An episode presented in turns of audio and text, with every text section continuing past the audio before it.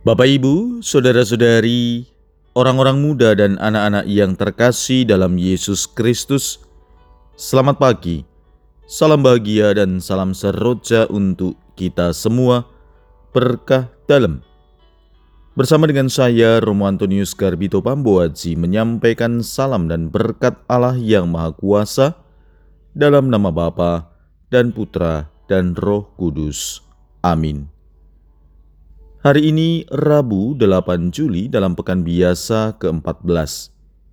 Bacaan pertama dalam liturgi hari ini diambil dari nubuat Hosea bab 10 ayat 1 sampai dengan 3 dilanjutkan 7 sampai dengan 8 dan ayat 12. Bacaan Injil diambil dari Injil Matius 10 ayat 1 sampai dengan 7. Yesus memanggil kedua belas muridnya dan memberi kuasa kepada mereka untuk mengusir roh-roh jahat dan untuk melenyapkan segala penyakit dan segala kelemahan. Inilah nama kedua belas rasul itu. Pertama, Simon yang disebut Petrus dan Andreas saudaranya, dan Yakobus anak Zebedius dan Yohanes saudaranya. Filipus dan Bartolomius, Thomas dan Matius pemungut cukai, Yakobus anak Alfeus dan Tadeus, Simon orang Zelot, dan Judas Iskariot yang mengkhianati dia. Kedua belas murid itu diutus oleh Yesus dan ia berpesan kepada mereka, Janganlah kamu menyimpang ke jalan bangsa lain atau masuk ke dalam kota orang Samaria, melainkan pergilah kepada domba-domba yang hilang dari umat Israel. Pergilah dan beritakanlah kerajaan sorga sudah dekat. Demikianlah sabda Tuhan, terpujilah Kristus. Kisah dalam Injil hari ini berlatar belakang pada kenyataan bahwa jumlah orang yang mengikuti Tuhan Yesus dan yang gemar mendengarkan ajarannya makin bertambah banyak. Selain itu, jenis orang yang menantikan pelayanannya juga makin bervariasi. Ada yang beralasan mencarinya untuk mendengarkan sabdanya, mencari kesembuhan dari berbagai penyakit atau pelepasan dari kuasa roh jahat.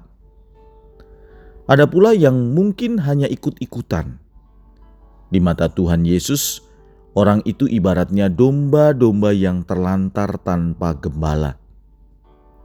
Karena situasi dan tuntutan pelayanan tersebut, Tuhan Yesus memilih 12 orang sebagai muridnya yang diharapkan akan melanjutkan karya-karya Allah.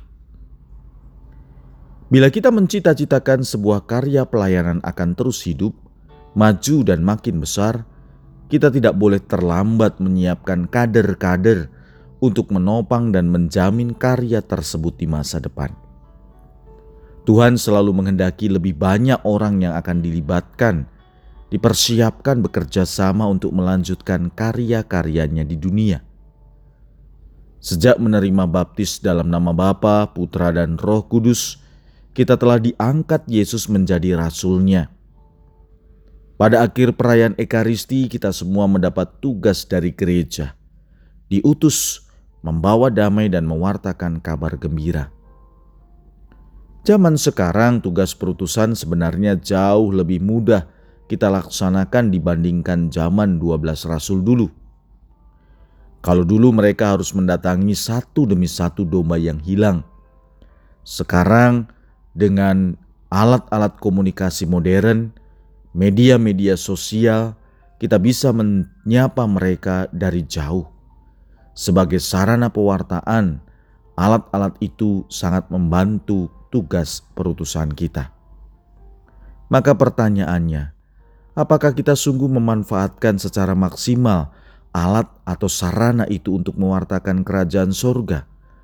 Atau malah jangan-jangan hanya untuk digunakan menyebarkan isu, ngerumpi, dan omong kosong tak bernilai. Marilah berdoa. Tuhan, jadikanlah aku pembawa damai dengan berani memanfaatkan apa yang ada dalam dunia saat ini sebagai sarana pewartaanmu. Berkat Allah yang Maha Kuasa, dalam nama Bapa dan Putra dan Roh Kudus. Amin.